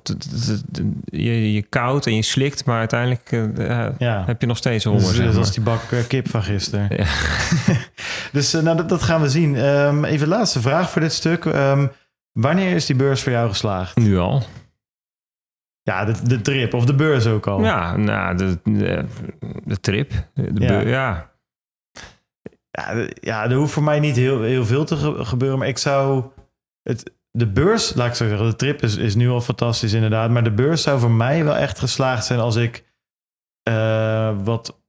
Ja, ik ben, ik ben heel erg in mining. Dat, dat, daar zit ik de laatste... Daar ben, heb ik zoveel over nagedacht. En er wordt ook heel veel over nagedacht. Over nieuwe grids, mining with renewables. Eh, we hebben in Nederland natuurlijk Jelmer ter Wolde... die ook bij de CryptoKast zat. Hebben we het al vaker over gezegd. Die, die bij kassen langs gaat met miners... om daar weer eh, eh, ze neer te zetten. En, en zodat miners weer van het gas af kunnen. Of, allemaal super interessante Ja. dingen. En blijkbaar kan het. Alleen voor mij zijn er dan ja, toch altijd nog een paar vraagtekens. En elke keer als ik het aan mensen vraag die wel veel van Bitcoin weten, maar niet per se zelf een mining farm hebben draaien, komt er nooit echt een, een, goed antwoord op. Nou ja, Jelmer spreken we op onze barbecue, dus dat is mooi. Die kunnen we dan eh, even tackelen wat dat betreft. Maar ik hoop op die mining steeds daar wat. Ja, dat is wel iets wat, wat ik heel vet zou vinden als ik daar wat meer over zou weten. Wat, wat aanknopingspunten, wat dingen die ik misschien kan lezen. Ja, dat is voor mij wel het grootste, ehm, het grootste Kijk, ding. wat, wat ik me vaak herinner van dit soort conferenties is dat het niet in eerste instantie gaat over dat je tijdens zo'n talk iets nieuws leert. Maar dat je door er te zijn, doordat die mensen hun verhaal vertellen in die setting, dat, je, dat er gewoon in je eigen hoofd dingen op een plek vallen. Die je op zich wel wist, die op zich wel ergens zaten. Maar er worden even nieuwe combinaties gemaakt, nieuwe verbanden gelegd. Even dingen, je hebt ook allemaal dingen achter elkaar, weet je wel. En dan ineens, je hoort iets voor de veertiende keer en ineens denk je, ah, weet je, dat is, dat is eigenlijk meer het effect van zo'n conferentie dan dat je puur iets hoort wat daarvoor, wat je daarvoor nog nooit gehoord Ja, had ja. of zo. Dus ik, ik ga niet met de verwachting dat ik straks allemaal dingen leer die ik nog niet weet. Dat is niet mijn doel. Er zullen ongetwijfeld dingen verteld worden die ik nog niet weet. Hè? Ik bedoel, dat is niet mijn, mijn punt. Maar die, die, die hoor ik anders toch wel een keertje in een podcast. Ja, als ze ja, ja. daadwerkelijk belangrijk zijn. Dan komen ze wel langs bij Pieter McCormack of bij eh, De Pomp of weet ik veel. Ja, weet je, iedereen die, al- die gasten die hier staan, die zijn ook in podcast geweest. Ja, dus dat, dus, dus ik, ik ga er niet heen om, om een nieuwtje te horen of iets nieuws te horen per se. Maar ja, dat, is, dat heet dan met een heel vervelend zweverig woord geïnspireerd te worden. Ja, toch ja, ja, toch is het dat. Wat een inspiratie. En in, weet je, eh, ja, wat, wat, hè, dat gaat over de, de, dat, dat, je de, dat je de geest krijgt. Hè? Dat is ook zo'n uitdrukking. Hij kreeg ineens Nou, de geest. Ja, maar we hadden het er net over tijdens het... eh, tijdens het eh, we waren even uit eten gegaan. En, en we hadden het er met de groep een beetje over. Althans, het kwam naar voren van... Er, er kwam opeens een andere groep bitcoiners... kwam ook dat, eh, dat restaurant in, zeg maar. En het grappige is dat je dan op een beetje... nou ja, kijk je toch een beetje naar van... hoe, ja, wie zijn dat dan en wat doen ze en, en weet ik het allemaal... En wat- ik heel benieuwd ben, ook wel bij zo'n eh, bij zo'n beurs, is van inderdaad, raak je geïnspireerd? Van, eh, hè, wakkert het het vuur juist aan? Van ja, dit, ik zit op mijn plek hier. Dit, we, zijn, dit, we zijn met iets bezig met z'n allen wat, wat hè, dat je een beetje bevestigd wordt in, in wat je doet en misschien dat dat vuurtje wat aangewakkerd wordt. Of dat je zegt van ja, jezus, wat, wat is dit voor groep, joh? dit voor... Weet je, we, we zitten elkaar een soort van leugens te vertellen. Dat je opeens naar je helden op het podium kijkt. En dat je inderdaad voor de veertiende keer wat te horen krijgt. Maar omdat je erbij bent, dat je opeens denkt: ja, maar je, sta- je staat gewoon glashard te liegen op Ja. het podium. Je- Want, Het is want niet echt. Het ja. is niet echt of zo. Ja. Dus dat, dat is inderdaad een goeie. Daar ben ik wel, ook wel erg, ehm, erg benieuwd naar. Nou, we gaan het zien. Ja, je had, je had een paar. Bij, ik heb namelijk onze, onze fantastisch voorbereide show notes hierbij. En er staat het als eerste item van, van, van de nieuwtjes. Er staat. Najib Bukele komt niet naar BTC 2022. Dus dat is dan even nog even om het bruggetje maar mooi te maken. Hij komt dus niet. Nou ja, die had ik wel willen zien. Daar was ik wel heen gegaan. Eh, Ja, gewoon, wel, hè? eh, ge- nou ja, weet je, gewoon om die man eens even, even te peilen. Ehm, ja, weet je. Ja, gewoon om het eens te zien, weet je. Kijk, bij die anderen heb ik dat wat minder. Dat boeit me niet zoveel. Ja, Jack Mellers vind ik dan ook wel vet om een keertje eh, gewoon...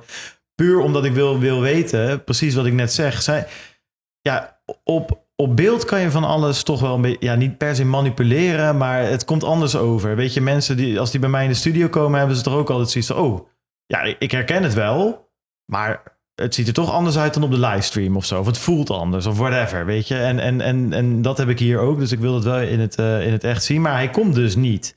Ja, waarom niet? Ja, omdat, omdat ja, voor mij heeft hij de noodtoestand afgeroepen in zijn land al een week terug of zo. Er is toch wel veel gang violence. En, het is best wel uh, grote moeite om niet hierheen te hoeven komen. Ja. Noodtoestand. Ja, nou ja, nee, ja, dat inderdaad om niet te verklaren. Ja. Onze bitcoin bonds uh, gefaald zijn tot nu toe. Nee, ja, we gaan het zien. Ja, op zich wat ik zeg, ik zal, ik zal hem niet missen. Want voor de rest vind ik dat hij qua bitcoin niet heel veel uh, extra's te vertellen heeft. Maar ik, ja, het was, wel in de, het was wel een headliner, laten we eerlijk zijn. Dus we gaan zien uh, hoe, dat, hoe dat verder loopt. Ja, en voor de rest, de andere nieuwtjes die we vandaag hadden... Uh, die hebben we best wel voor een groot gedeelte gewoon her en der even meegenomen. We hadden natuurlijk inderdaad BitPay, uh, dat, soort, uh, dat soort dingetjes. we hadden Terra, hebben we al even genoemd. Ik wilde nog even eentje uitpakken, Bert. Um, die, die ik toch wel leuk vond om even... Um, ja, om nog even kort over te hebben. Um, we waren deze week... we zijn naar een basketbalwedstrijd geweest. Mm -hmm. in, de, in de NBA. De, de Heat tegen de... de Miami Heat. Miami Heat. Ja, het maakt niet uit tegen wie. Het draaide alleen maar om de Miami Heat, nou, weet dat je is wel. Echt was, dat is echt wel waar. Het was, dus, ze speelden dus thuis. Miami Heat speelde hier thuis in de FTX Arena. En daar gaan we al. Maar, die, en, maar dat is dus, ja, bij, kijk, bij voetbal is het toch, toch de bedoeling of zo dat, of, ja, dat, de, dat de scheidsrechter neutraal is en dat de, de verslaggever, die is, weet je wel. Maar hier, iedereen is gewoon voor Miami Heat. Dus ook Ja. gewoon de stadionspeaker. Het hele publiek wordt opgeroepen om te schreeuwen en te fluiten als, eh, als de tegenstander een strafwoord moet nemen. Echt, nou ja. Ja, nou dat sowieso, weet je wel. Ik bedoel, kijk, bizar. in Nederland eh, fluiten ze uit zichzelf. eh, en doen ze over het algemeen, schreeuwen ze nog wel ergere dingen. maar het was tegen de Charlotte Hornets. Ja tegen, ja, tegen de Hornets inderdaad. Ehm, maar, maar, maar de Heat heeft gewonnen. meeste drie punten ooit in een wedstrijd. Dus we hebben een goed potje uitgekozen. Ehm maar waar ik, even, waar, waar ik heen wilde... we lopen dus die, naar, naar dat stadion toe. En dat is de FTX Arena. eh, vernoemd naar ja, de, de, de crypto exchange FTX. Nou, die zijn natuurlijk binnen no time... Hè, enorm gegroeid. Eh, een paar jaar geleden bestond het niet. We hebben de CEO daar, Sam Bankman Fried. Fried, ja... Je schrijft het als Fried, maar of je het uitspreekt uh, als Fried, weet ik niet. Maar dat, dat, dat is een soort van boy wonder uh, geworden. Die, die, ja, dat, dat, dat, dat is zeg maar wat de Jack Dorsey's, Elon Musk's uh, en, en dat soort types waren uh, van, van Web 2, om het zo maar te zeggen. En, uh, en Zuckerberg natuurlijk. Ja, dat is deze jongen, die is lid van, van, van, van de volgende club. Maar die zijn dus zo godschuwelijk rijk dat ze dus zo'n FTX, dat ze zo'n stadion kopen. Hè? De sponsoring, de naam van zijn stadion. Maar daar blijft, daar blijft het niet bij. Uh, tijdens die wedstrijd, wat Bert al zegt, het zit vol met allemaal entertainment, allemaal pauzes de hele tijd. Soms zijn ze drie, letterlijk tien seconden aan het basketballen, gaan ze alweer van het veld Ja, af.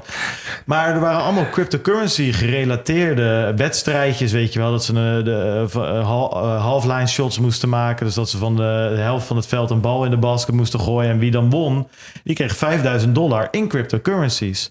Um, en, en het interessante is, dat past natuurlijk in een, uh, in een, in een tendens die we al vaker besproken hebben, of vaker gespot hebben. We hebben crypto.com um, uh, gehad, die de Formule 1 sponsort, die volgens mij het WK gaan sponsoren in Qatar, hoofdsponsor worden, hè? dus niet half-half. We zien het op enigszins kleinere schaal in Nederland. Hè? Bitfavo sponsort tegenwoordig de, de KNVB, de voetbalbond. Uh, uh, we hebben Blocks die sponsort uh, Ajax. We hebben Anycoin Direct sponsort PSV. AZ wordt gesponsord door Bitcoin Meester. Dus heb je er nog een paar Feyenoord door Knaken volgens mij. Ze hebben allemaal een cryptocurrency sponsor. Allemaal in het afgelopen jaar gebeurd. En toen las ik nog even verder. Ehm, iets, wat iets, iets wat daarbij past. Dat de, de oprichter en baas van Binance, CZ die staat gewoon in de top 20 rijkste mensen ter wereld van de Forbes. Met een geschat miljoen van 69 miljard. Ja. En, en dan hebben we daarna Binance US. Dus dat is zeg maar de losse tak die dan uh, van Binance die wel in, uh, in, in, de VS mag opereren. Uh, die hebben 200 miljoen opgehaald en die worden gewaardeerd op 4,5 miljard. Mijn punt een beetje, hè, want ik, ik, zie je enigszins moeilijk kijken bij, bij, bij CZ en, en zijn geschat kapitaal. Mijn punt is hier dat je dus een club eh, exchanges hebt die binnen, binnen no time, een club bedrijven, laat ik het zo zeggen, die binnen no time zo verschrikkelijk rijk zijn geworden Klopt. en zich binnen met, met, een, met een ongekende snelheid in de haarvaten van eh, de samenleving aan het vroeten zijn. Namelijk in, in het brood en spelen, letterlijk. Hè? Het is allemaal sport, het is allemaal entertainment, daar zitten ze in. En op die manier best wel tractie krijgen voor een platform. Waar- Waardoor ik eigenlijk, waar, waar, waar ik naartoe werk, is: ik wilde de vraag stellen van ja, zullen deze par- partijen niet eindelijk, ondanks dat het shitcoin exchanges zijn en eh, leverage traders en weet, ik het allemaal, misschien niet de redders in nood zijn? Want dit zijn wel de lobbyclubs. Eh, Dit is wel het kapitaal wat je uiteindelijk nodig hebt om dus bijvoorbeeld tegen zo'n. ehm, ehm, nou, tegen wetgeving. te zorgen dat de wetgeving die er komt vanuit de overheid misschien enigszins binnen de perken Een blijft. redder van wie dan? Redder van, van bitcoin, van crypto? Of van ja, beide inderdaad. decentrale technologie? Ja, ja, ondanks dat ze zelf centraal zijn en ondanks dat ze zelf vooral eh, ja, ja, ja, shitcoin casino, ja, we, nou, Binance kan Nou je misschien wel betitelen. Toevallig Binance en FTX natuurlijk wel. Eh, Dit zijn toevallig de twee. Ja, maar dat zijn wel de grootste jongens. Ja, Coinbase is ook groot hoor. Ik bedoel, die had natuurlijk een beursgangwaardering van 100 miljard dollar. Dat is geen kleine jongen. En Kra- Kraken is natuurlijk ook best een eh, grote partij. En dat zijn dan weer de hele brave uit spectrum. Nou, Maar- Coinbase is ook met een NFT, eh, NFT marketplace bezig. Ja, maar dat is toch niet onbraaf? Het is alleen, Nou. jij, jij vindt er wat van. Dat nee, is nee, absoluut niet. Ik, ik, ja, ik vind er ook wat van, daar heb je gelijk in. Maar, Nee, maar goed, wat Als je Coinbase kijkt- is natuurlijk gewoon het Ja, maar- gereguleerd ongeveer wat je kunt bedenken. ja, maar Dus- NFT is niet. Nou en, we zijn, we zijn natuurlijk een beursgenoteerd bedrijf. Dus zij kunnen niet zomaar alle willekeurige activiteiten gaan doen. Dus blijkbaar is het aanbieden van NFT-custody is blijkbaar een veel kleiner probleem dan 100 keer leverage trading. Ja, nee, dat, ja, dat- natuurlijk dat mag gewoon een domweg niet. behoorlijk aantal, eh, aantal coins die ze aanbieden. Maar an- anyway, dat is een beetje, dat, dat drijft een beetje af van, van, eh, van de Van discussie. punt, Mijn- ja. Nou ja, ik stond gewoon best wel verbaasd. Ehm, en een, een van onze reisgenoten die zei het ook tegen me. We hadden het over en die zei van joh, je had je toch vier jaar geleden niet kunnen voorstellen dat je in zo'n stadion naar een NBA-wedstrijd van de koploper zit te kijken. Hè? Want het is ook geen klein, eh, klein ploegje op dit moment. En dat letterlijk de hele, dat Nee, maar hele het is- stadion behangen is met allemaal crypto. Nee, maar dat, dat, dat eh, vond ik dus. Ik, ik heb, ook, ik heb het, even, ik heb het opge- opgenomen. Hè? We even luisteren. Kijken of dat kan.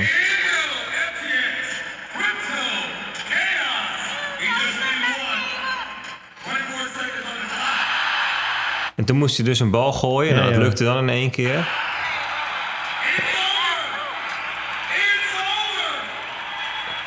Ja, je ziet dus, je ziet dus, je hebt overal van die, van die reclameborden en dan overal eh, crypto.com en ehm, ja, wat staat er nou op?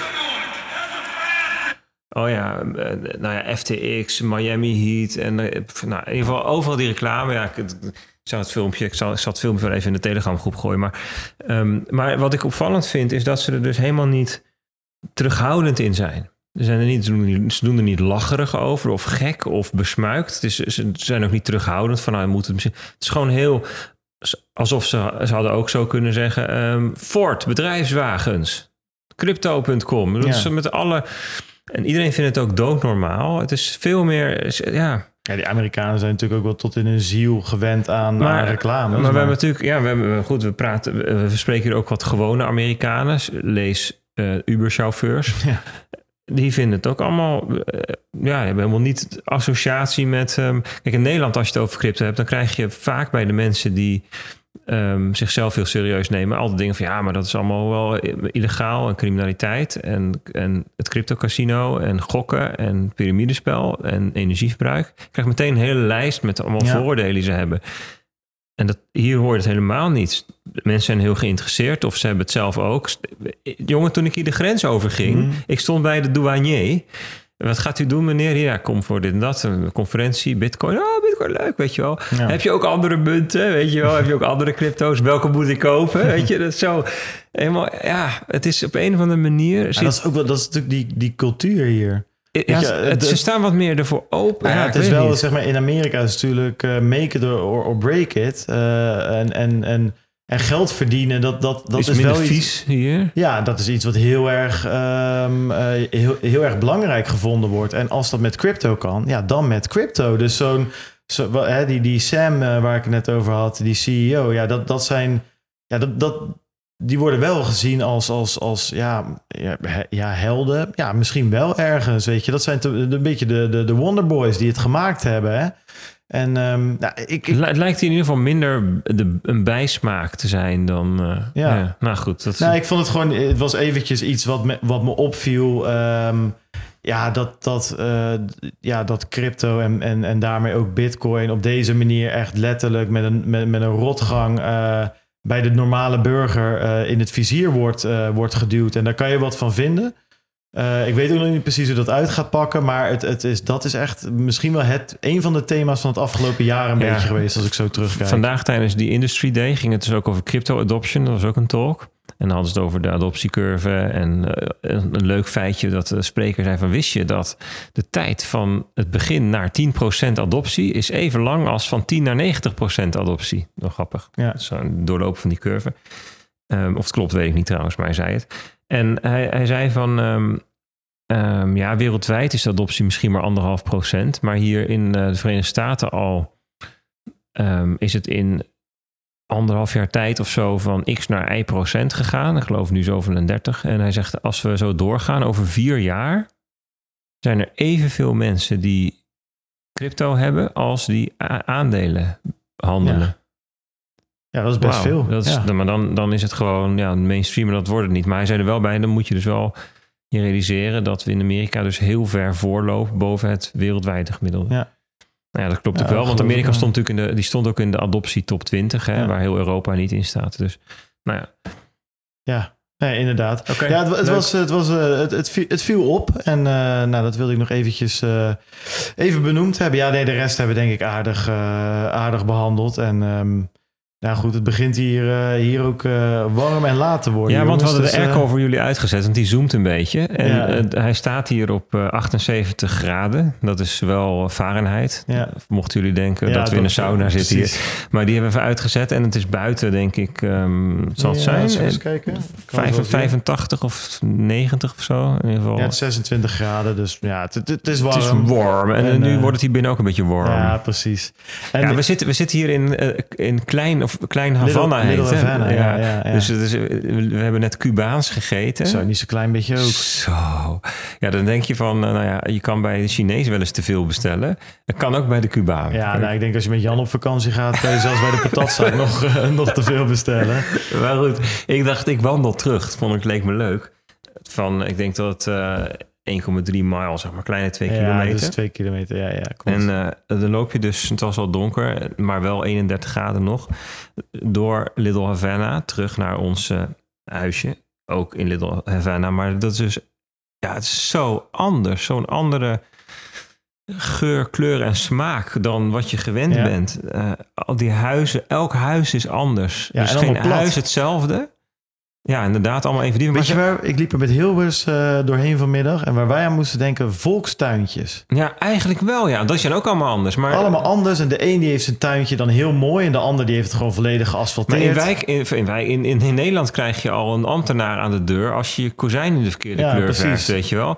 Of als er een tegel scheef ligt. ja, maar hier, die, die komen niet in die volkstuintjes. Nee. Dus daar mocht je altijd wat meer. Die worden trouwens ook allemaal plat gegooid. Want, eh, maar wat dit is dus gewoon, deze, dit zijn gewoon hele wijken. Die zijn volkstaan. Ja. Maar dat viel me zo op. En ze hebben allemaal, allemaal hebben ze iets van een object in de tuin. Of een auto die niet af is, Ja. waar dingen onderuit Ja. zijn. Of een, eh, een, een, eh, een, een Barbecue. quad of een Ja. wasmachine of allemaal dingen. inderdaad. Ze hebben allemaal palmbomen in de tuin. Het is natuurlijk, ja, dat is natuurlijk ook, eh, geeft ook een ander beeld. Ehm, vaak veel auto's. Heel veel Dus auto's. vier of vijf auto's. En ik denk niet dat deze mensen allemaal auto's verzamelen. Ik denk dus dat er gewoon meerdere gezinnen in die Ja. huizen wonen. Dat is mijn verwachting. Ja, en natuurlijk dat, dat, dat, dat, dat iedereen een auto moet hebben in Amerika. Maar inderdaad, dat en dat bij en elkaar. gortig dikke auto's allemaal. Ja, niet normaal. We hebben een bus, jongens. Daar, eh, daar passen we met z'n 15 in, letterlijk. Ehm, dus eh, ja. En al die huizen airco's. Het is natuurlijk allemaal... Ja, dus overal zijn die airco's te zoomen als, als een gek. Dus het is een heel, ja, een heel ander soort wereld. Nou ja, leuk om daar eens doorheen te lopen. precies. En we gaan dat eh, volgende week gaan vertellen hoe, eh, hoe we door de conferentie heen zijn gelopen. Ja. Dus dat gaat goed komen. Hey Bertus, bedankt.